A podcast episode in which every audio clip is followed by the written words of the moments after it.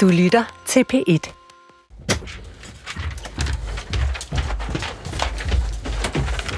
Hallo? Hallo? Er der hul igennem? Øh, kan I høre mig? Øhm, mit, mit navn er Svelle Sigurd, jeg er produceren på Klog på Sprog.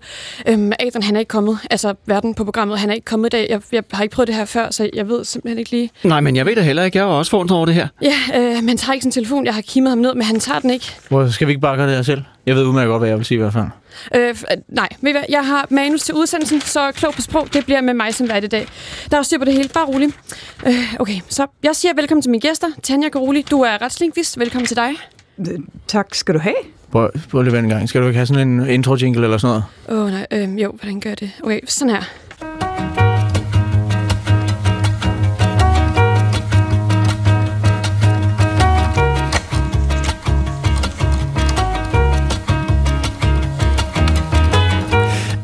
Aprilsnar!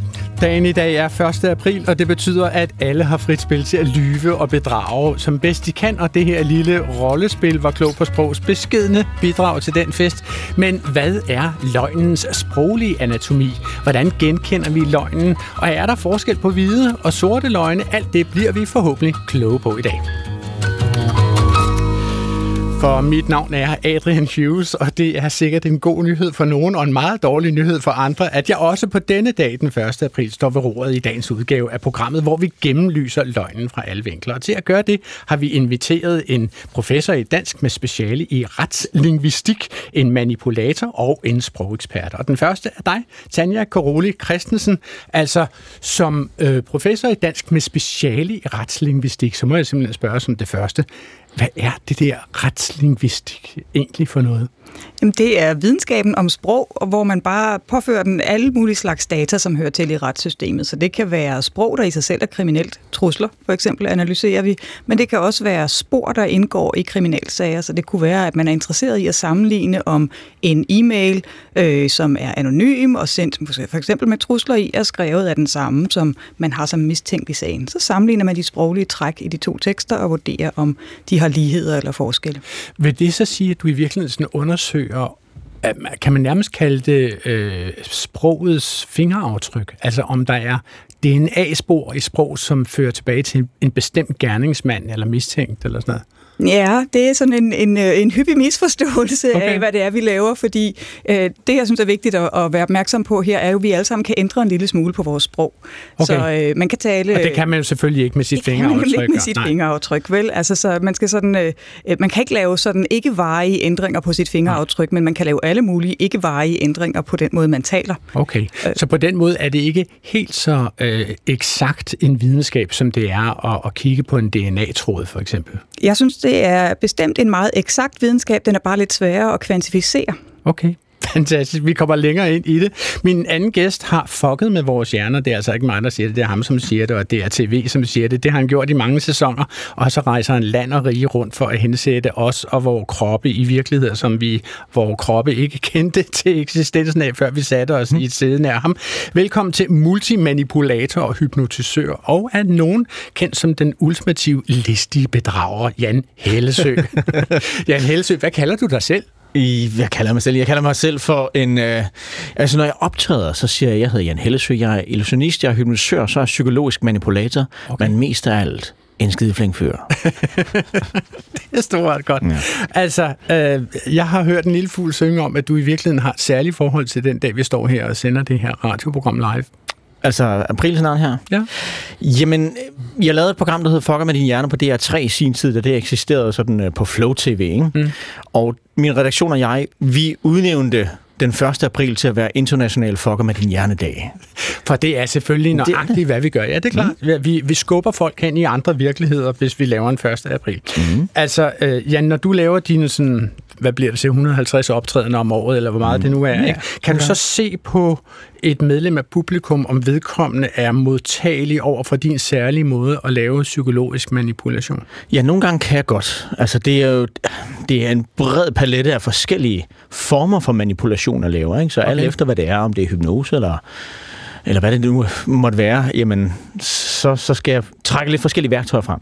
Okay. Men det, nogle gange Den kan jeg godt, ja. værktøjskasse øh, håber jeg på, at vi får åbnet i løbet af de næste 56 minutter, eller hvor meget det bliver. Min sidste gæst er seniorredaktør ved det Danske Sprog- og Litteraturselskab, Henrik Lorentzen. Også velkommen til dig, Henrik. Ja, tak.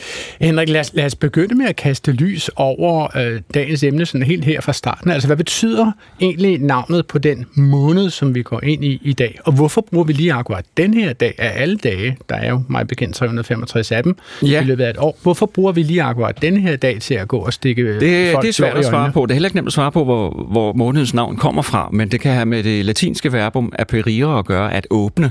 Så det kunne have noget at gøre med øh, forårets åbning. Okay. Ja, men, men så er der jo så øh, forbindelsen med ordet nar, og, og på et eller andet tidspunkt er der altså opstået den her tradition med at narre folk faktisk i hele april måned, og i hvert fald den første og den sidste dag i måneden. Og det, den person, der så narre, det er aprilsnaren, en man sender ud øh, i narreærner, som man har kaldt det. Så vi har gjort det Hent en hele måneden? En røgvenner eller kørnerprikker eller noget andet, som ikke ja. eksisterer i virkeligheden. Så principielt set har vi faktisk gjort det hele måneden på et tidligere tidspunkt. Det har man tidligere gjort, men nu er der så lagt sig fast på 1. april, og det er jo blevet en, en virkelig øh, fasttømret tradition, øh, hvor vi har medier og alle mulige andre, som, som laver store aprilsnarer, hvor man skal være frisk for at, at fange den måske. Men, men, men hvad er det for et frirum, det her øh, en nar har? Ja, det er noget, der Hvad opstod... må narre? Jamen, de må næsten alt øh, tilbage i, øh, i middelalderens og renaissancens fyrstehoffer, kejserhoffer osv. Så havde man naren som sådan en, øh, en comic relief, som man kan sige på engelsk.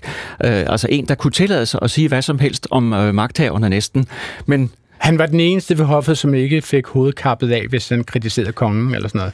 ja, det kunne måske nok ske, hvis, hvis det gik for tæt på kongen. Og der men, var der, også for ham var der grænser. Ja, men, men naren kunne så gå hen og, og, og sige nogle ting, øh, måske til, til sin fyrste, om hvad, hvad adelen foretog sig. Og det kunne, de så, det kunne være, at de ikke brød sig om det. Okay, Så, så det var et, et frirum, ja. godt. Og mit navn øh, var øh, og er stadigvæk, som nævnt lige før, Adrian Hughes. Jeg er rent faktisk øh, da, verdensmester, vil jeg sige, i at lyve. Men nu skal det jo desværre ikke handle om Det mig, der er klog det på sprog. Altså, hvis man her til morgen har hørt radio, eller set fjernsyn, eller har læst aviser, så er man jo med meget stor sandsynlighed blevet udsat for mindst en historie, som var så sær, at man knap nok kunne tro, at den var sand. Og det var enkelte af dem så heller ikke. Og jeg synes, det er super dårlig stil at afsløre øh, mediernes 1. aprils historie, før folk har haft mulighed for at stege i dem i mindst en dag. Og så dog alligevel. Fordi jeg har her til morgen fået tilsendt en mail fra Henrik Lorentzen, øh, hvor, hvor, og jeg tror simpelthen ikke, at den går så bredt ud. Jeg synes, Nej, vi skal gynge i den. Jeg tror vi godt, vi kan gynge i den her i dag, også fordi vi simpelthen kan kigge på sproget i den. Ikke? Og det er øh, en nyhed fra Nivågårds malerisamling, øh, som ligger øh, i Nordsjælland, nord for København. Og der står simpelthen med store overskrifter, allerøverst nyhed, 1. april 2022, og så står der vigtigt nyt kolon, Nivågårds malerisamling fastholder vintertid hele året. Efter fem mislykkede åbningsdage siden overgangen til sommertid i søndags har Nivågårds malerisamling nu besluttet, at museet fastholder vintertid året rundt. Det er jo altså en af landets fineste malerisamlinger. De har adskillige Rembrandter og Botticelli, havde nær sagt, og altså store renaissanceværker. Det er, de, er, de har noget at bytte med internationalt. Ikke? Ja. Det er dyre sager, de har. Ikke?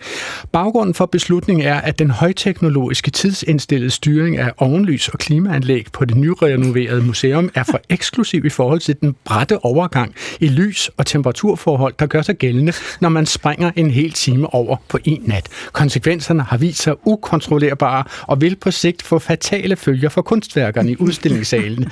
Den tidsindstillede afskærmning af ovenlysvinduerne udviklede sig ved overgangen til sommertid til en tikkende bombe, da gardinerne kom ud af drift og i stedet gik op og ned øh, af sig selv i en grad, der dels forstyrrede gæsterne i deres indtagelse af mesterværkerne, men væsentligst af alt kunstværkerne er i visse dele af salene blevet eksponeret for langt mere lys, end de 500 år gamle malerier kan klare. Lad os, lad os starte med at kigge på det her. Hvad, hvad synes I om sproget i den her aprilsnar? Og jeg elsker det. Og hvorfor? Ej, det er, fan- jamen, det, prøv, at høre, prøv at høre, det er fantastisk det der, at der har siddet nogle mennesker på et, altså et, et så eksklusivt museum, og så har, de, så har de sat sig ned og, og skrevet så flot en tekst. Ja. Altså, jeg synes, det er fantastisk. Prøv at tænke, at vi har det, det privilegie, at vi kan få lov til og, og sende sådan en, en, en løgn ud, som det jo er, ikke? Ja, altså, der, altså man kan jo sige, der er vel noget i det her, som gør det til en særlig god løgn. Eller kan, kan du nu give nogle bud på det, Tanja Karoli Christensen? Altså, øh, hvorfor, hvorfor er det her et stykke hen ad vejen troværdigt, at Niveau går øh, udsender sådan en presmeddelelse? Jamen det er det, fordi de øh, tager fat i noget, som er øh, delvist sandt. Og det er næsten et kriterie for en rigtig god april snart. Der skal være Okay. noget delvist, delvist sandt og Og noget hvad er det delvist sande her? Jamen dels, at øh, vi hader alle sammen de der skift mellem sommer og vintertid. Er rigtigt, der er ikke ja. ja. nogen, der synes, det er sjovt, og det er en diskussion hvert år. Ikke? øhm, så ved vi, at de har meget værdifulde malerier. Dem Ja. ja. skal man passe på. De fleste ja. ved også, at der kan være et eller andet med lysfølsomhed ved Præcis. nogle genstande. Ja. Ja. Så den er god nok. Så nævner de en masse dejligt teknisk. Øh, og det er vildt godt til at distrahere folk fra, hvad det egentlig handler om. Det altså, de fortæller en hel masse om øh, det der udstyr, tekniske udstyr. Øh, Røg og spejlet, som Clement Beren Ja, Kærsgaard ville ja kalde det. nemlig. Ikke? Ja. Øhm, og vi kan tale om her en, en form for afledning som vildledning. Ikke? Man Ja. distraherer øh, læseren lidt med noget teknik, som vi ikke helt kan følge med på og forstå. Men Tanja, er det simpelthen en teknik, det her? At mm. man sådan bombarderer folk med oplysninger, som er grænsetroværdige? Ja, det er det bestemt. Okay. Øh, det er en måde, man kan vildlede folk på. Det er ved at give dem en hel masse sådan delvist irrelevant mm. information. Så længst muligt i, inden for noget, som er næsten sandt. Ja. Okay. Hvad siger du til, til det, Henrik? Jo, altså, jeg går ud jo, fra, at du det- var relativt begejstret siden du selv... Ja, men jeg sad der og grinede og tænkte, den kan vi nok bruge. Øh, jamen det, jeg er enig i det der med, at det, det gennemførte i det, at man, man kører den hele vejen igennem, bruger mm. alle de tænkelige argumenter for, at det her skulle være rigtigt. Mm. Og så til sidst øh, står der også noget om, hvordan de vil hjælpe publikum med at, at forstå det her. Ja. Det kan være, du kan læse det op. Ja, altså for at lette overgangsperioden har vi formuleret følgende guidelines, står der så i presmeddelelsen. Museets det er bullet points det her, ikke? Museets gæster opfordres til på forhånd at sætte armbåndsuret en time tilbage, inden man træder ind på museet. I receptionen vil man kunne lægge sin mobiltelefon på en tablet, der hurtigt og automatisk indstiller ur og kalender til museets tidsforhold. Det er Smukt. rigtig- Ja, det er virkelig godt. Det er ligesom sådan øh, trådløs øh, mobiltelefonopladning eller sådan noget. Den stil. Og så den sidste. Når man booker billet til et arrangement via museets hjemmeside, vil man inden museumsbesøget automatisk få påmindelser om tidsforholdene. Ja. Jeg kan godt lide de der guidelines, fordi det minder jo om det, vi har været igennem i to år, Præcis. alle mulige former for retningslinjer med coronaen, så det taler lige ind i det. Ja, det, er- det er fuldstændig forrygende. Men nu skal jeg høre, vi skal også lige høre et, et, et og nu går vi sådan lidt tilbage. Nu, nu, øh, nu siger jeg ikke flere af denne dags. Jeg har opdaget en i denne morgens politikken. Den var ganske udmærket. Det taler jeg ikke om. Men, men lad os gå tilbage til 2019. Den regionale TV2-station øh, TV2 Nord bragte i 2019 et indslag om, at danskerne nu igen kunne begraves i gravhøje. I det fulde indslag så er der både klip fra museumsinspektøren på Vendsyssel Historisk Museum og Jørgens borgmester optræder, og i vores nedklip så møder vi Frank Heislet fra Heislet Begravelsesforretning, og det blev bragt det her altså i midten af aftenens nyhedsudsendelse, og noget af det lyder sådan her. Staten tillader nu efter et års forsøgsperiode, at danskere igen kan blive stedt til hvile i en gravhøj. En af dem ligger i Jøring, men placeringen får kritik af kommunens borgmester. Bedemand Frank Heislet gør klar til en urnenedsættelse. Det er højen her nær Hirtshals, der fremover er udsigt til at blive begravelsesplads for masser af nordjyder. I første omgang havde kirkeministeriet ønsket urnebegravelser i rigtige gravhøje, men det forslag blev stoppet i Kulturstyrelsen. Det blev i stedet Vejdirektoratet, der leverede en holdbar løsning. De har nemlig masser af egnet høje i deres rundkørsler. Men Henning havde kørt bus hele sit liv. Godt, jo og så synes han, at han skulle ligge ved 1,39, når han ikke var her længere, så familien kunne gå forbi og hilse på ham. Selvom gravhøj signalerer oldtid, ja, så appellerer den stærkt til moderne danere. Vi ønsker ikke, at vores pårørende skal gå og passe et Danere, gravsted, danere, og danere. placeringen i netop rundkørsler har sine fordele. Dårlig idé, synes Jørgens borgmester. Jeg synes, det lyder fuldstændig vanvittigt. Og jeg synes, sådan det hører hjemme øh, på så befærdede veje øh, i forhold til, og slet ikke i Nordjylland. Hvis de vil have sådan noget, så kan man have det over på Sjælland. Eller sådan Det er noget. det, Jeg de synes, kan. er På. Lortø. Det er underligt for det første, vi slet ikke har hørt noget om det. Så øh, jeg vil klage til kirkeministeren over det her, og Ej, er spørge det godt. efter, om, om Er det godt? øh, Ja, det det er virkelig super. mening. Det er transportministeren. Jamen, så bliver det transportministeren. Altså, hvad betyder det for den her øh, 1. april snart her fra 2019, at der er så mange offentlige styrelser og ministerier nævnt, Tanja? Jamen, det giver autoritet, og det er Okay. også rigtig vigtigt til øh, at, at få det her virke, til at virke troværdigt, ikke? Ja. Altså, fordi vi ved jo, at det er det, det følger et, også et genre-script, vi kender i forvejen fra Hvad er det for et nyhederne. genre-script? Jamen, i de fleste nyheder, som bliver vist øh, i tv, der har man været ude og interviewe forskellige mennesker, som skal komme med de forskellige vinkler. Vi vil godt sådan skarp vinkle nogle gange de her ja. sager. Så får man den ene, der siger det ene, og den anden, der siger det andet. Og så er der en konflikt. Så er der en konflikt. Ja. Det ved vi, så, så det er meget genkendeligt i formen også, så det er ikke kun indholdet der, hvor vi talte om før, at der må gerne være nogle sådan realistiske, øh, delvis sandfærdige elementer, men det er også formen, det skal ligne noget, vi kender. Det, det var klart det, der, der, der fangede mig her. Det var, at den differentierede sig fra alle de andre aprilsnar, der er, som fortæller, det er det her, det er. Her der er historien, der er rent faktisk en, der, der er uenig. Ja. Øh, og, og det er sådan lige et skridt videre. Det er virkelig godt lavet. Ja, altså som om, vi ved jo alle sammen godt, at der i øjeblikket kører en forsøgsår. Ja, ja, ja. Lige- lige præcis. Har I Men nu, nu er der protester imod det, fordi nu må det ikke være sådan længere. Altså, det, er jo, det er jo genialt. At henvise til noget, som man lader som om, at man tror, alle mennesker ved. Ikke? Ja. Det giver jo en, en ekstra troværdighed.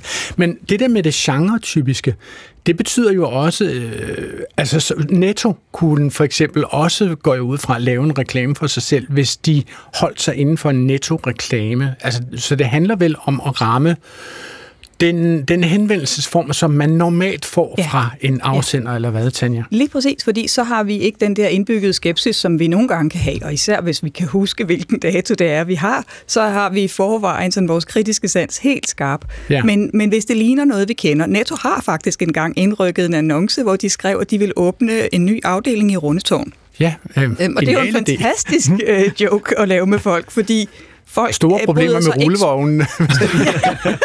Ja, og spørgsmålet er, skal man ligesom op øverst, eller, eller kan man dog Det få er lov at blive nede i bunden? vi ved jo, at Danmark sælger ud af sine allermest værdifulde historiske bygninger, så det Og flugter igen, fint. igen bygger det på det her med, at der er noget delvis velkendt. Der er ingen af os, der bryder os om alle de der butiksfacader, mm. og den der gule øh, pangfarve Netto har, er der ingen, der kan lide. Så hvis det skal være derinde ved Rundetårn, det er jo ikke sjovt.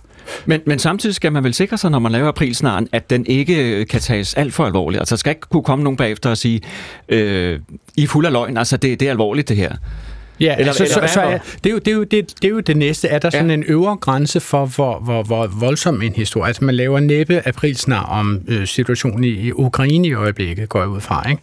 Og spørgsmålet er, for eksempel, øh, der har jo været forskellige aprilsnar, hvor man har haft et fysisk payoff på det. Mm. Altså, at øh, man var... Øh, øh, JR. JR, den Da kan jeg han kom, det? han kom til JR dengang, Og så øh, det var kæmpestort. Fra Dallas? Ja, at han, kom, øh, han landede i, hvad var det, Esbjerg Lufthavn eller sådan noget. Så stod der 200 mennesker og ventede på okay. Okay, JR. ja. Men han kom, men han kom ikke, eller?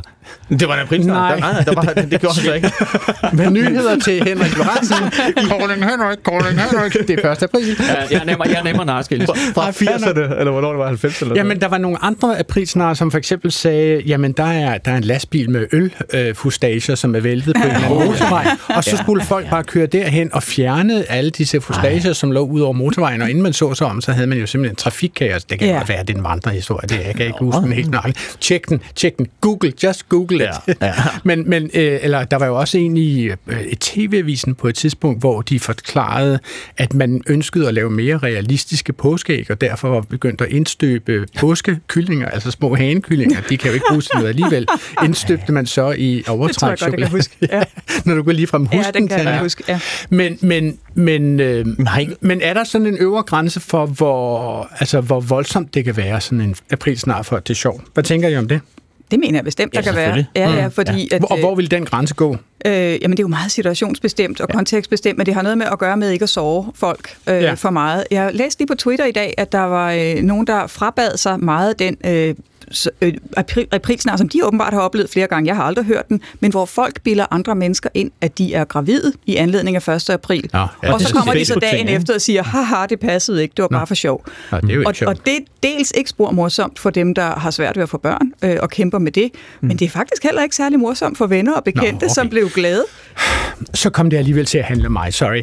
Jeg lovede jo, at jeg var verdens største løgner. Det startede med, at jeg simpelthen sendte øh, min mor et brev fra hendes arbejdsplads, Magasin du Nord, hvor hun stod og demonstrerede påskekylling eller forskellige andre ting. Og så gav jeg hende en, en lønforhøjelse, som jeg havde skrevet på hendes eget brevpapir, og så havde jeg sådan fotokopieret Magasin du Nords Jan Helsø står og ser chokeret ud. Min mor blev forbigående, meget, meget glad for lønforhøjelsen, og efterfølgende blev hun meget, meget ked af at se, at jeg stod og ved at knække sammen så, så man kan sige, der er i hvert fald noget med, at det skal helst være en dårlig nyhed, som erstattes med en god nyhed, og ikke omvendt. Altså, det er måske en, en regel. Jeg Men, men det gælder måske for alle former for satire og komik, at det balancerer hele tiden på, på, på grænsen mellem det acceptable og uacceptable. Ja, og jeg, man var, kan, jeg var grænsesøgende. Ja, men øh, det var du så. Jeg var i gang med at undersøge, hvad man kunne. Og hvad så, så man kan tage, man siger, man kan sige, at man tager en risiko ved at kaste sig ud i at, at lave sådan nogle numre, ikke? Mm. Ja, altså, nu skal jeg bare høre, nu har jeg en personlig fæble for april snart, som er ekstremt stedspecifikke. Altså sådan nogle, som næsten kun giver mening for de mennesker, som er lige præcis til stede i det rum der. Ikke? Og, og der kunne vi jo henvende os til for eksempel uh, DR P2's Operanyt, altså folk, som lytter til Operanyt i radioen. Og her kunne verden Jakob Wivel tilbage i 2006 præsentere en ret pusseløjelig nyhed, nemlig at tv- og radioverden Hans Otto Biskov, som ikke normalt synger noget som helst, han skulle synge partiet som Jeronimus i Carl Nielsens nationalopera Maskerade. Og Jakob Wivel præsenterede den her præmis i forlængelse af, at, som han forklarede meget troværdigt, altså dronning Margrethe øh, jo gjorde sig som øh, kostumier, scenograf og billedkunstner, og så er der jo skuespilleren Viggo Mortensen, øh, som viste fotografier faktisk i før omtalte Rundetårn, og rockmusikeren Anne Linnet udstillede sine malerier, og så gik han videre til at kigge i øh, det kongelige teaters øh, sæsonprogram. Og hvis man slår op i rollelisten til Carl Nielsens opera Maskerade, som Kasper Bæk Holten skal instruere på operan i år, så vil man kunne se, at der er to sanger, der skal alternere hinanden i rollen som Jeronimus. Og det er Steffen Milling og Hans Otto Bisgaard. den Hans den, Otto Bisgaard. Den, den, jeg spurgte naturligvis operachef Kasper Bæk Holten, hvad der havde fået ham til at vælge Hans Otto Bisgaard til rollen som Jeronimus. Det var oplagt, at til rollen som Jeronimus, der er den store faderrolle, at finde en, en kendt folkelig dansker. Og der synes vi jo, at Hans Otto Bisgaard har en spændvide, som vi da også håber vil åbne et andet publikums øjne for, hvad det er, vi laver for nogle forestillinger, og for at opera kan være noget andet, end det de går og forventer. Men nu er Hans Otto Bisgaard jo ikke sanger. altså, jeg tror, at man i de her år ser over hele verden, at genre brydes ned. Man skal passe meget på med ikke at trække de her snævre grænsedragninger med, hvad klassisk musik er, hvad rytmisk musik er, hvad folkelighed er, hvad det elitære er. Det er da klart, at Hans Otto nok skal, skal have sig lidt ekstra sangtimer, det har vi sat penge af til i budgettet. Jeg har nu fået besøg af Hans Otto Bisgaard her i studiet. Velkommen til Opernyt, Hans Otto Bisgaard. Tak skal du have. Hvad fik dig til at sige ja til rollen som Hieronymus? Det er, at andre tror på en. Men Nej, du er jo ikke sanger. Jeg er ikke sanger, men man siger tit om folk, de har ikke en tone i livet. Der vil jeg sige, at jeg har en, og hvis bare operan ligesom rammer den tone, så tror jeg sagtens, at jeg kan løfte opgaven øh, som, som Jeronimus. Jeg har alderen, jeg, jeg synes, jeg er forstokket nok til ja. at, at kunne, mm. kunne løfte den rent ideologisk. Altså, Tanja Karoli Christensen, kan man høre på den daværende operachef Kasper Holten, nu er han jo direktør for foretagendet, men kan man høre på ham der, at han lyver? Nej, det synes jeg ikke, man kan. Nej, okay. øhm, og, de og har, hvorfor kan man så ikke det? Det er jo lidt det.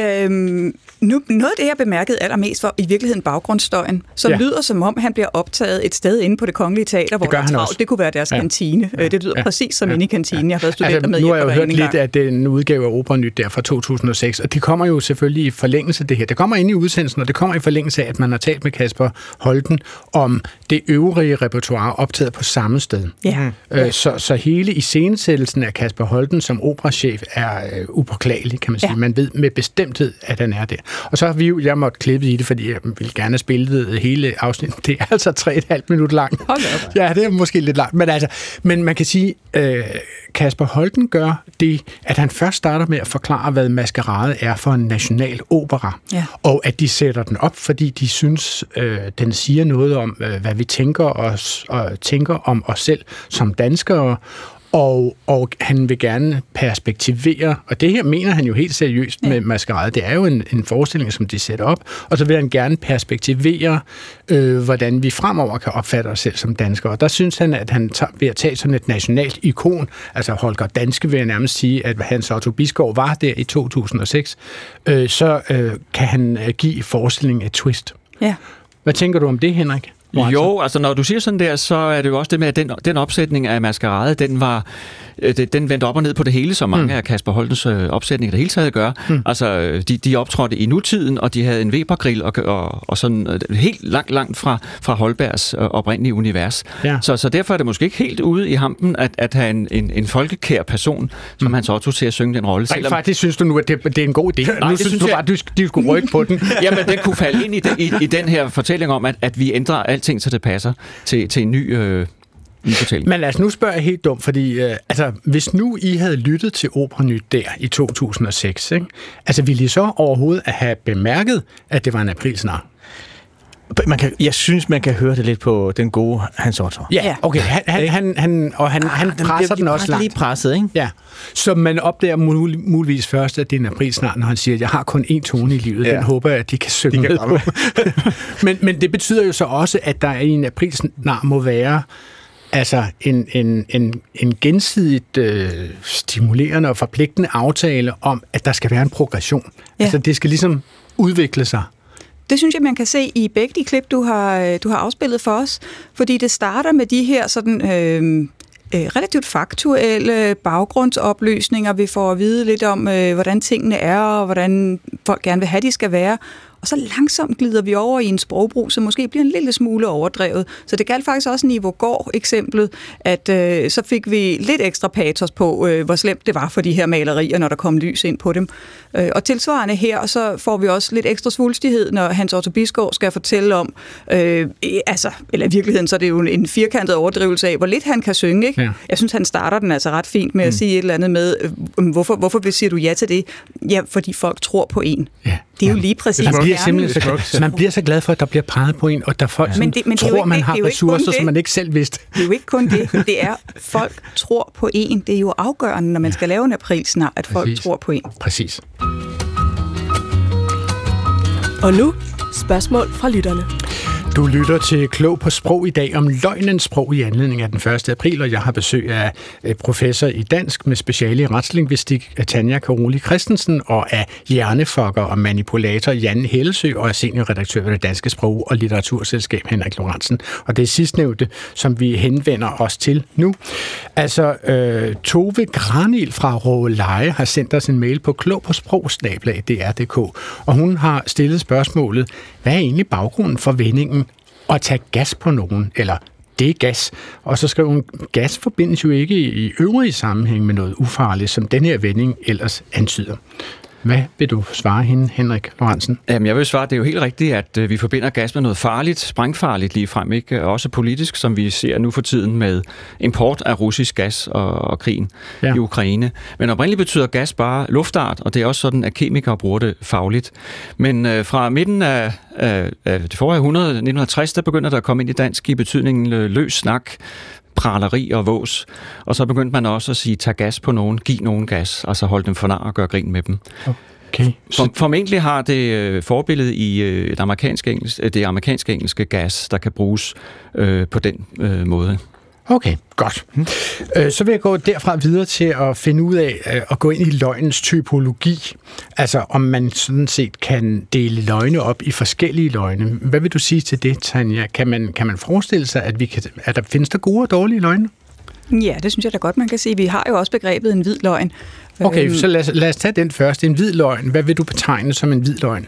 Det er en løgn, der er uskyldig i forhold til dens intentioner. Så det har rigtig meget at gøre med, hvad folk vil med det at lyve. Okay. Øh, så man siger noget usandt, for eksempel for ikke at såre andre mennesker. Og det kan man jo godt sige er en udmærket ting i mange sammenhæng. Ja, altså hvis man for eksempel lige har været til en teaterpremiere med en fire timer lang øh, oplæsning af øh, Carsten Jensens øh, hvad siger jeg så, øh, den første sten, og man føler det som om, man har været til en fire timer lang øh, tandudtrækning og visdomsrudsbehandling uden bedøvelse, så ville det være uvenligt til premierefesten at sige det til de medvirkende, fordi de er formentlig meget optændt af øh, deres, deres præstation ved, ved teaterforestillingen. Så det er en hvid løgn, eller, men det er måske bare en udladelse, det er måske ikke engang en løgn. Så måske findes der også løgne, som er at holde oplysninger tilbage? Ja, det gør der. Det gør der. Øhm, der er løgne, som øh, drejer sig om at øh, sige noget falsk. Altså, så simpelthen bevidst at sige noget, der ikke er sandt. Så det ja. er det, vi, den klassiske løgn. Ikke? Det ja. ved vi virkelig er en løgn. Så er der de der, hvor man distraherer med noget irrelevant, men så er der også dem, hvor man udlader potentielt vigtig information, og det mm. er jo også vildledning og en slags løgn. Så, så når, når hustruen spørger, øh, ser min røv stor ud i denne nederdel, så siger man, det er en vanvittig flot bluse, du har på. Altså for ligesom ja. ja. gjorde. For at snakke om noget andet. For at snakke om noget andet, ja. ja. Så det, altså, der, der, der er en lille udladelse der, og så er der en afvinings, øh, afledningsmanøvre i gang. Ja, eller sådan ja man siger noget, der er øh, egentlig irrelevant i forhold til det, man blev spurgt om. Okay. Det stammer vel alt sammen fra frygt, ikke? Alle, alle løgne, er det ikke sådan en... Hvordan det? Frygt? Jamen, øh, bukserne øh, med din kone, og, ja. øh, øh, og, og ser tyk ud i de her bukser. Frygten for at øh, enten at komme i, i et ordentligt skænderi eller noget andet. Så, så griber man til løgnen, mener du? Ja. I, jamen, at, øh, ja, at, kan man ikke, uden at lige have tænkt synderligt meget over det, men jeg tænker, at alle løgne, sådan, der, er en, der er en frygt bagved, ja. og det er derfor, man lyver. Så man har et formål. Altså i 2014, kan jeg fortælle, der lærte vi et nyt dansk ord, som, som var den såkaldte nødløgn.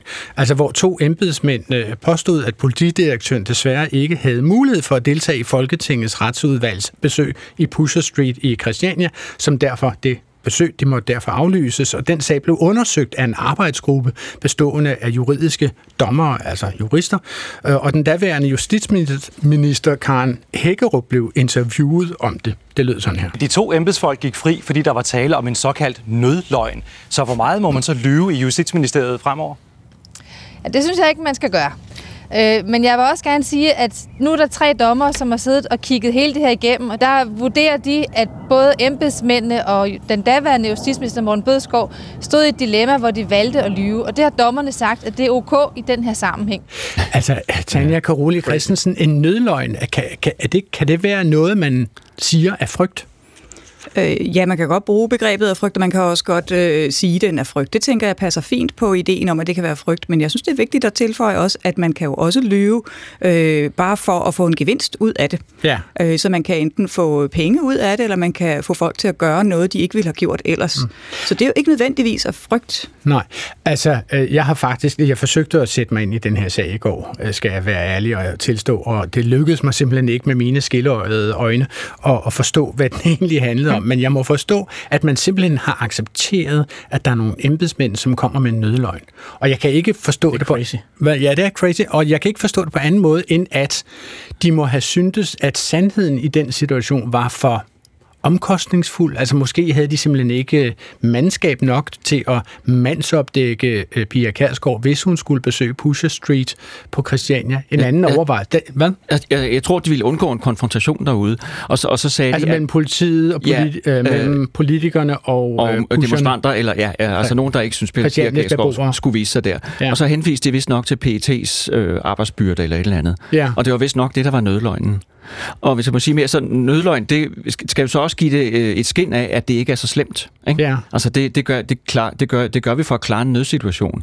Og dermed nærmer det sig måske den hvide løgn. Det er ikke så slemt. Ja. Jeg tror, det er derfor, øh, at det ord kom ind i billedet, som jo ikke var nyt i dansk, men altså det fik en, en renaissance ja. der. Var det ikke nyt? Er det, er det, der, er det, det, et, det er et udtryk, der findes? Det var ikke opfundet til lejligheden, nej. nej. Nå, det eksisterede, det eksisterede i sproget, men, men, men det fik øh, ja. en tur i, i manesien der. Men det tyder på, at man gerne må komme med en nødløgn, hvis, hvis sandheden simpelthen er for svær at takle. Altså det, for eksempel... Det, det må ja. være argumentet bag. Vil du ikke sige det, jo, Tanja? Jo, helt sikkert. Øh, det må for være argumentet. en skarp situation. Øh, og selvfølgelig er det særligt betændt, når det øh, er noget, der har noget politisk, og som så i øvrigt bliver grænsket. Men, øh, men det minder meget i andre sammenhæng om den hvide løgn. Altså det, man mm. er nødt til at sige for at komme ud af en ubehagelig situation. Øh, Jan, at vi, kunne, man, kunne man lyve? Ville det være en løgn, hvis man sagde noget, som man var blevet hypnotiseret til at sige? Det er et godt spørgsmål. Der var jo en sag fra 1951, øh, hvor en ung mand øh, gik ind i en bank og røvede den og skød to bankansatte. Er døde de det? Ja, de blev dræbt. Og så finder man ham, der havde... Det var 1951, det her, ikke? Ja. Man finder ham, der havde gjort det øh, i, en, i, en, i en opgang tæt på. Og efter lang tid med to psykiater, og de er lidt uenige, og på et tidspunkt så er de begge to enige, og de siger begge to, at han er blevet hypnotiseret til at øh, gøre det her. Og okay. man finder kunne hjælpe mig. Også manden, der har gjort det. No. En ældre mand, øh, en, en, en Palle Hardrup der, en mand, der hedder Bjørn Skov Nielsen. Som og, du har taget virkelig stærke style cues fra, eller hvad? jamen, jeg har simpelthen lavet et program om det. Okay, Jeg har lavet det her for at okay. se... Øh, hvor, hvor foregår jamen, det her hen i verden? Jeg forstår I København, øh, inde, inde på Nørrebro. Hold øh, Landmandsbanken, tror jeg, den hed. Øhm, og, Så blev morderen fængslet, eller blev hypnotiseret? Jamen, nu skal du bare høre. Begge to blev dømt. Den ene i, en, i, en, i det, der hedder, jeg tror, det hedder en psykopatforvaring. Nå. Øh, men de fik begge to livsvejt øh, fængsel. Og som jeg har forstået det, er det stadigvæk den største retssag i, i Danmark. Øh, men, og det er jo også den Altså eneste... den største retssag om hypnose? Eller nej, bare- nej, det generelt hele? set. Ja, det, var, det, var, det, var, det, var, det, var, det helt vildt dengang. Og det, jeg skal så ikke kunne sige, fordi at, hvad er det her? Det er fem år siden, jeg lavede programmet øh, Hypnosemordet. Det ligger gratis inde på... Øh, eller TV. ikke, det er ikke gratis. I har jo betalt for det, dem der ja, har betalt licens selvfølgelig. Ikke? Ja. Men Det har du også, Jan. Ja, det har. Ja, ja, Du gør det ja, over ja, ja. skattebilletten for tiden, så du skal ikke holde dig lyver ikke. Ingen Nej, Ingen nævnt, ingen glemt.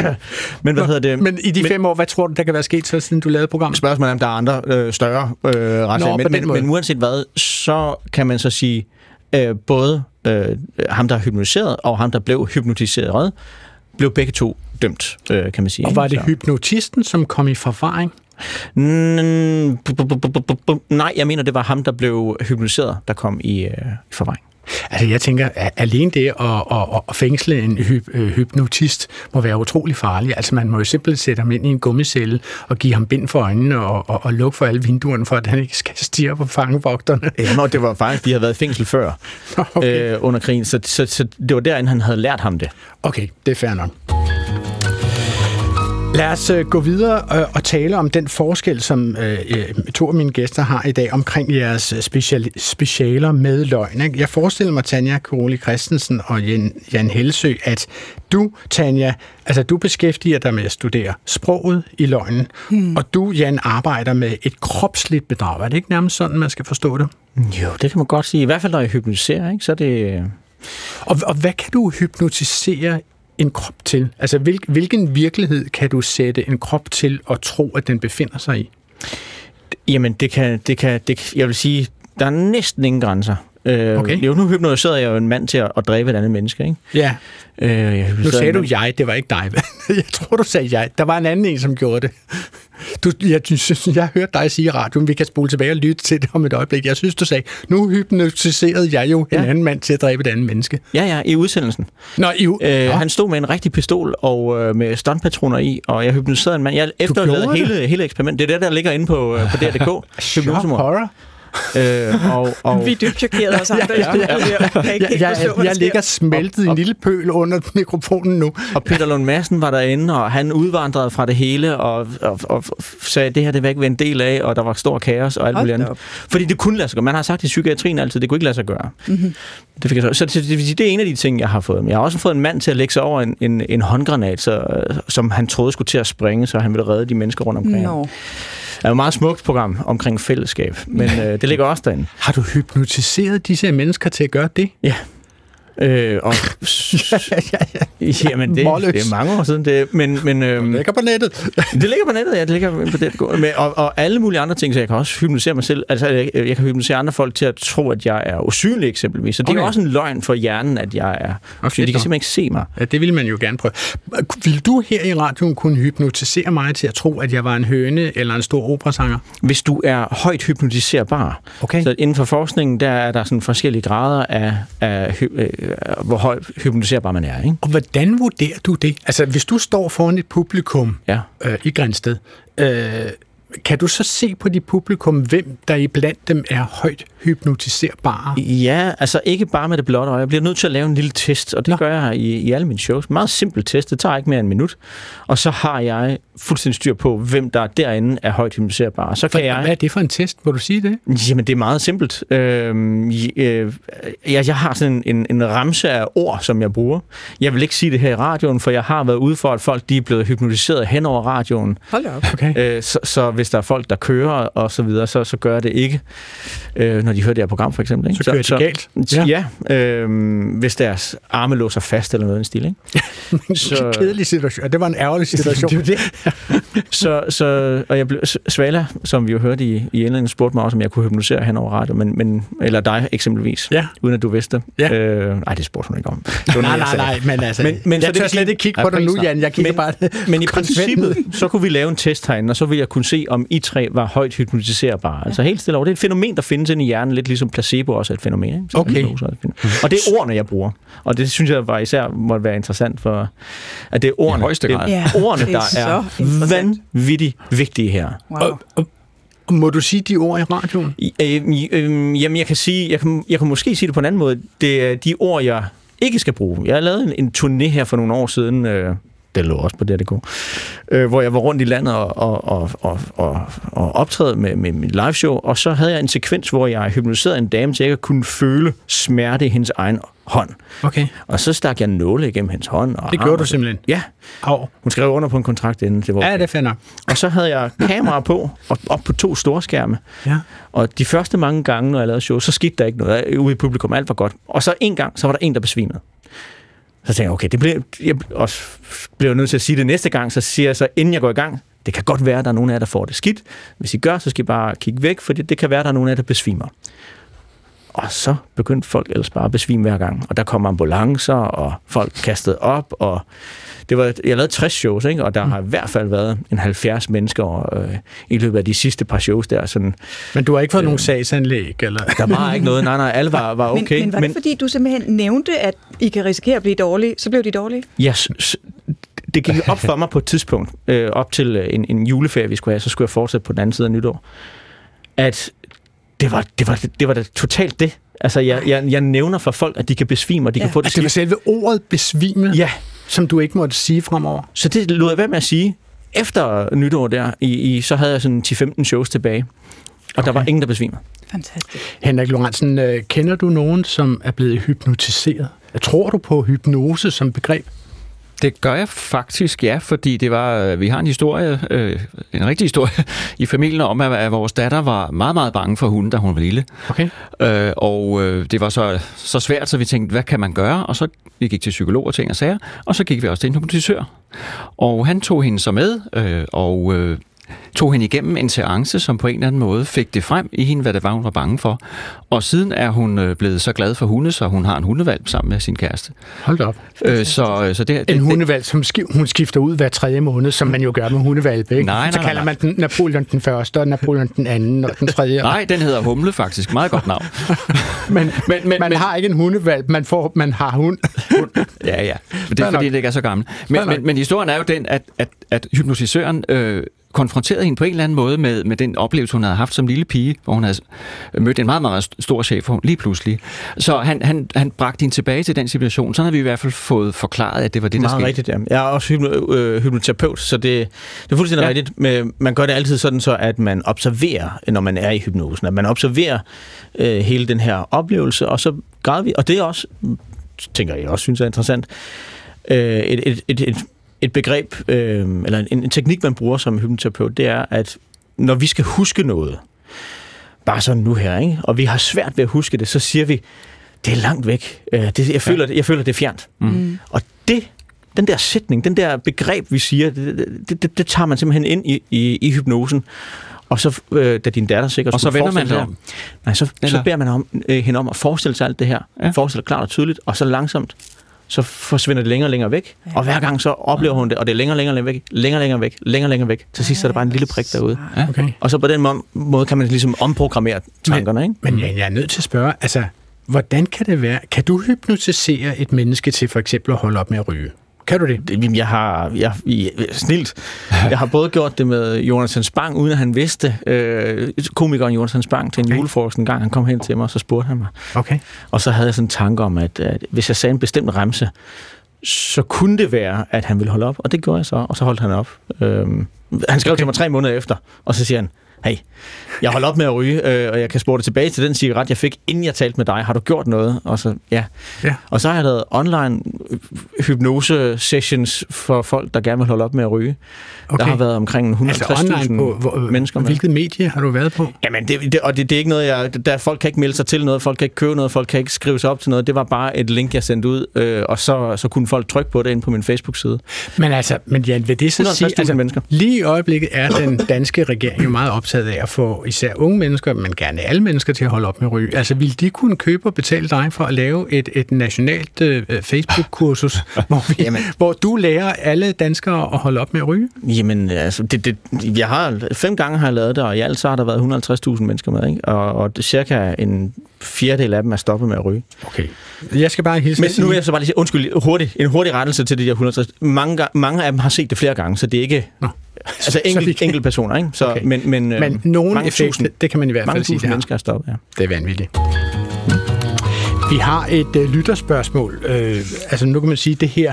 Hvis man fortæller en løgn, så skal man jo helst slå den fast med syvtommersøm tommer søm på den ene eller på den anden måde. Ikke? Og lige præcis det her med syvtommersøm tommer søm, øh, stiller Georg Nielsen fra Glostrup et spørgsmål om, hvor kommer fra. Og han har selvfølgelig skrevet til klog på sprog, DR.dk. Hvorfor hedder det at slå noget fast med syvtommersøm? tommer søm? Det kunne jo være alt andet end syv. Det kunne jo være otte tommer eller seks tommer. Hvorfor blev det lige syv? Meget enkelt. Hvad siger du til det? Det er et enkelt øh, spørgsmål. Øhm, 7 tommer, hvis vi lige skal slå fast det, så er det øh, knap 18 cm eller 180 mm, som tømmerne nok vil sige. Det er, et stort søm. Det er et meget, meget et langt søm. søm. Ja. Så, så hvis noget er slået fast med det, så sidder det virkelig fast. øh, jeg har kigget lidt på byggemarkeder og, og set, øh, hvad, hvad de har af søm, og, øh, og det er altså helt deroppe, hvor de næsten ikke har noget, der er længere. Mm-hmm. Det, mhm. jeg, jeg kunne se 8 tommer, og der findes også 6 tommer, så det kunne godt have været nogle af dem måske. Men jeg tror, det betyder noget, at vi har et, et bogstavrim. 7 mm-hmm. tommer søm. Det fungerer mm. altid godt i udtryk. Og der er også noget med, med syv som et magisk tal, et helligt tal, der er noget helt særligt ved det. Vi taler om noget, var syv lange og syv brede, eller man har syv milestøvler på, eller man er i syv sind. Eller... Syv korte og syv lange, eller sådan noget. Ja, ja nemlig. Øh, øh, og ikke syv vilde heste ville kunne trække mig derhen. Mm-hmm. Altså, så, så syv indgår i mange udtryk, så det er sikkert også derfor, det er lige blevet det her. Så syv er simpelthen et magisk tal? Ja. Okay, godt. Tanja Karoli Christensen, altså lad os lige gå ind i det sproglige bedrag. Ikke? Altså politiet øh, er jo under en efterforskning meget optaget af, om deres vidner taler sandt, eller om de taler falsk. Det er stort set politiets arbejde, når de foretager politiafhøringer.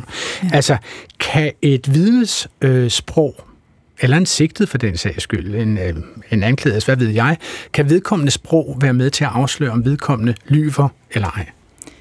Ikke på den måde, at man har nogle enkelte sproglige træk, man skal kigge efter. Så det er ikke sådan, at man kan sige, uh, der skete et skift i stedord, eller der skete et skift i tid, altså nutid, tid, øh, så derfor lyver personen. Det er jo. der ikke nogen som helst forskningsmæssig belæg for. Der er Nå. nogen, der tror det derude, der er nogen, der gerne vil sælge den fiktion, at hvis man bare lige lærer sig sådan en håndfuld sproglige træk, så kan man afsløre løgn på Hva, en nem måde. Hvad vil den fiktion gå ud på? Hvad, hvad, hvad hævder disse mennesker ville være øh, afsløringer af løgne? Jamen det kunne være sådan noget med, jamen øh, pludselig i historien skifter man fra at tale om, øh, om jeg til at tale meget om han, eller til at tale meget om det.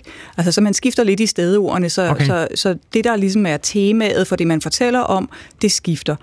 Det, der er problemet for den type teori, er, at de meget sjældent tager højde for, at vi jo taler om forskellige ting, og vi er i forskellige kontekster, og vi helt naturligt gerne vil lægge vægt på forskellige ting. Mm-hmm. Så i løbet af en samtale, så er det noget nyt, der er i fokus, og derfor skifter man også de sproglige udtryk. Så, så der kan være naturlige forklaringer på det, som ikke har noget som helst at gøre med løgn. Så det, at man gengiver en bestemt handling med forskellige ord, og med en accent på forskellige detaljer fra gang til gang, betyder ja. ikke nødvendigvis, at den ikke har fundet sted? Nej, det gør det ikke. Øhm, og du kan forestille dig måske selv, hvis du har en eller anden begivenhed, der skete for dig, øh, noget stort, noget vigtigt, eller bare noget chokerende, du oplevede, så fortæller du det på lidt forskellige måder til lidt forskellige mennesker. Fordi mm. lige i den her sammenhæng, der ved du, at det vil falde i god jord, hvis du fremhæver dramaet, og i en anden sammenhæng, der vil det falde i god jord, hvis du fremhæver de sociale aspekter af den historie. Mm. Så naturligt vil dit sprog også afspejle øh, de forskellige intentioner, du har med, hvad du gerne vil sige. Gør det en løgnehistorie mere troværdig, hvis man går personligt ind i den og begynder at beskrive, hvordan man havde det, hvordan man følte det, da man lige pludselig stod over for øh, dette fænomen eller sådan noget? Det kan det gøre, men det er jo sådan noget, man faktisk også kan lægge ind som et falsk spor. Øh, så, altså hvis man er en løgner, tænker Hvis man er en løgner, ja, okay. ja, så kan man jo godt øh, lægge utrolig meget vægt på, hvordan man følte i den der situation. Åh, oh, jeg var så chokeret. Ja. Det er ret nemt at fake den slags, øh, hvad ens chokerede følelse var. Det, der viser sig, at folk har virkelig svært ved, hvis de øh, skal lyve og skal fortælle en længere fortælling, det er at øh, fastholde koherensen, altså sammenhængen i fortællingen. Og det er der, man kan sætte ind. Altså er historien egentlig sammenhængende? Og hvis vi går ind i små detaljerne og spørger til dem, øh, så kan det nogle gange vise sig, at så er der huller i historien. Okay. Så en løgner vil typisk altså gennemtænke en eller anden form for scene eller et scenarie, en, en udvikling, og glemme at tænke på øh, sidehistorierne. Ja, eller hvad? ja for eksempel det, og hvordan spørger man ind til dem? Jamen lad os nu forestille os, at vi har en situation, hvor en øh, person, der faktisk har udført en eller anden form for forbrydelse, skal placere sig selv et andet sted, og derfor skal fortælle en historie om, at hvad ved jeg, de var på McDonald's og øh, få burger. Okay. sammen med en ven, så har de formentlig øvet nogle ting om, hvilken McDonald's var det, hvad fik de at spise, måske hvad talte de med deres ven om. Der vil være nogle ting, som man godt kan træne sig op i. Men det kan være meget sværere at for eksempel genkalde sig, hvad skete der ved nabobordet? Hvem sad der? Hmm. Øhm, hvor lang var køen foran dig? Nu spørger jeg helt dumt. Hvad med en løgndetektor? Altså, kan, virker de? Nej, det gør de ikke.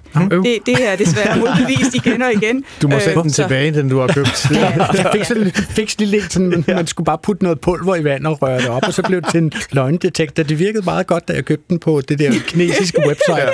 Ja. Nå, men de virker ikke, siger de du? virker ikke, nej. Det Hvorfor gør de ikke? Men det er fordi, det de måler, det er nogle fysiske reaktioner typisk. Så nogle af dem måler noget med blodtryk, øh, eller øh, hvor man får varme eller fugt i håndfladerne, og sådan nogle forskellige ting. Hmm. Øh, og de fysiske reaktioner, de kan jo komme med mange andre ting, end det at lyve. Mhm. Altså tanken bag løgnedetektoren er, at det er en stressende situation at være i at skulle lyve, og det er kognitivt presset, så man, øh, man skal bruge nogle ressourcer, som man måske ikke helt har. Og det gør en presset, så banker hjertet hurtigere, og så bliver man svedig, man er nervøs. Men de, øh, alle de der fysiske reaktioner, de kan komme af andre ting også. Okay. Det kan jo være, at det faktisk er rigtig ubehageligt at blive udspurgt af politiet. Det kan være, at man bare er nervøs. Det kan være, at der er noget helt andet, man har på spil, som ikke har noget med forbrydelsen at gøre. Hvad med den gode gamle med at fortælle historien bagfra? Ja, nemlig. Hvad Den er det? super god. Ja, Hvad er jeg det? kan huske, at jeg engang blev hyret af et forsikringsselskab til, øh, altså de ville gerne høre mig, jeg tog ikke imod, men de ville gerne høre mig til at øh, komme op med måder, hvorpå at de kunne igennem telefonen høre om deres... Øh, altså den, Kunder løg. Øh, kunder, ja, om det ja. løg. Øh, og så altså, havde jeg et forslag til dem, at de kunne jo eventuelt få dem til at ramse det hele op. For det skulle stadigvæk være sådan, at de jo ikke måtte føle, at de at, at bliver udspurgt her, udspurgt her ikke? Ja. men at de De, så at de skal kunne... være glade for deres forsikringsselskab, ja. ellers så Netop. finder de et andet, ikke? Ja. Og så skulle de skrive hele historien op. Og så sige, hov, ved du hvad, jeg kan se, jeg har ikke skrevet ned, efter du gjorde øh, det her, hvad skete der så? Så skulle de springe ind midt i historien, mm. øh, og så få dem til at fortælle, hvad der skete der. Fordi vi altid vi øver en løgnhistorie fra ende til anden. Gør vi det? Øh, Nå, okay. Ja, sådan... Det gør den trænede løgner, Adrian. Måske ikke, hvem ved?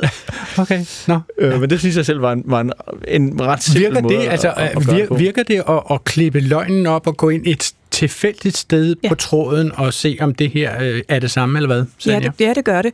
Øh, det bryder nemlig den der koherens, den sammenhæng, som folk har jo fabrikeret. Det er jo, altså hele pointen er, at det var ikke det er ikke sket i virkeligheden, så man har ikke nogen naturlige minder om det, og kan derfor heller ikke mm. gå hen i de der rige minder, man tit har om situationer, man faktisk har været i. Øh, og det er en kendt teknik i politiafhøringer, at man netop beder folk om at fortælle historien baglæns. Først Okay. fortæl den forlæns, og så gå lige baglæns. Okay. Det er langt, langt vanskeligere, hvis du skal holde styr på noget, der ikke er sket, og så prøve at huske, åh, hvad var rækkefølgen så nu? Nå. Hvad var det, der skete der? Nå, så det er Men hvis man har oplevet det, kan man nemmere. Ja, ja okay. det er det. At, Tanja, altså, øh, jeg vil også gerne lige nå at, at tale om, der findes jo faktisk mennesker, for hvem det er fuldstændig acceptabelt og lovligt at lyve. Ja. Og hvem er det, der gerne må lyve? Jamen, det må tiltalte i en retssag. Hvorfor må tiltalte det? Jamen, det, det må de gerne, fordi at de ikke er tvunget til at skade sig selv i retten. Og det kan de jo gøre, hvis de siger sandheden. Hvis det faktisk er dem, der har gjort det, så vil de, altså, så vil de tilstå. Man er ikke tvunget til at tilstå, og man er ikke tvunget til at tale sandt, hvis Okay. man er tiltalt i en Okay. retssag i Danmark. Og, og det, det er mest... så i modsætning til, til vidnerne, fordi de aflægger vel ed på, eller det ved jeg ikke, om man gør i Danmark. Man, man aflægger ikke ed i Nej, Danmark, men, men vidnerne har faktisk pligt til at tale sandt, og de Ja. kan blive retsforfulgt øh, for, øh, for Men falsk tiltalte må altså godt øh, lyve, så stærk en Ja. hest kan rende. Ja. Men Tanja, det er jo ikke alle vidner, som skal tale sandt. Altså, øh, nu så jeg øh, i går, da jeg kiggede på det her, altså at retsplejelovens paragraf 171 følger, at et vidne ikke kan pålægge sig at afgive forklaring i et tilfælde, hvor forklaringen kan udsætte, at vidne selv øh, er får en straf eller taber velfærd, og det samme gælder, hvis forklaringen kan påføre vidnet anden væsentlig skade. Ja. Og, og så kan jeg se af bemærkningen, det gælder åbenbart både ægtefæller, slægtninge i lige linje og søskende, adoptiv- og plejebørn, adoptiv- og plejeforældre, og så er det op til en vurdering, hvem der derudover kan være omfattet af den lov. Så der er altså åbenbart, altså må jeg forstå, en masse mennesker, som har lov til at lyve i Danmark. relativt hvide rammer for det, ikke? Så hvis Ja. man er øh, øh, i familie med en, en gerningsperson og ved ja. det, at den der faktisk er skyldig, så behøver man ikke at, at vidne sandt om ja. dem. Tanja, øh, du ved, det, det mest ekstreme eksempel, vi har haft for nylig, er nogle løgne, som blev afsløret. Det var Peter Madsen, øh, som jo har myrdet og parteret Kim Wall på hans egen øh, undervandsbåd. Først fortalte han, at han havde sat Kim Wall af på kajen. Det blev så modbevist. Så erkendte han, at der var sket en ulykke, som han sagde, ombord på ubåden, øh, hvor en 70 kilo tung øh, lue var faldet ned i hovedet på hende. Det blev modbevist af, at man fandt hendes hoved og kunne se, at der ikke var læsioner. Og så ender han med at sige, øh, at, at han, øh, at han, at hun, hun, okay, det var ikke en lue, det var ikke øh, ubådens lue, hun døde af en kulilteforgiftning.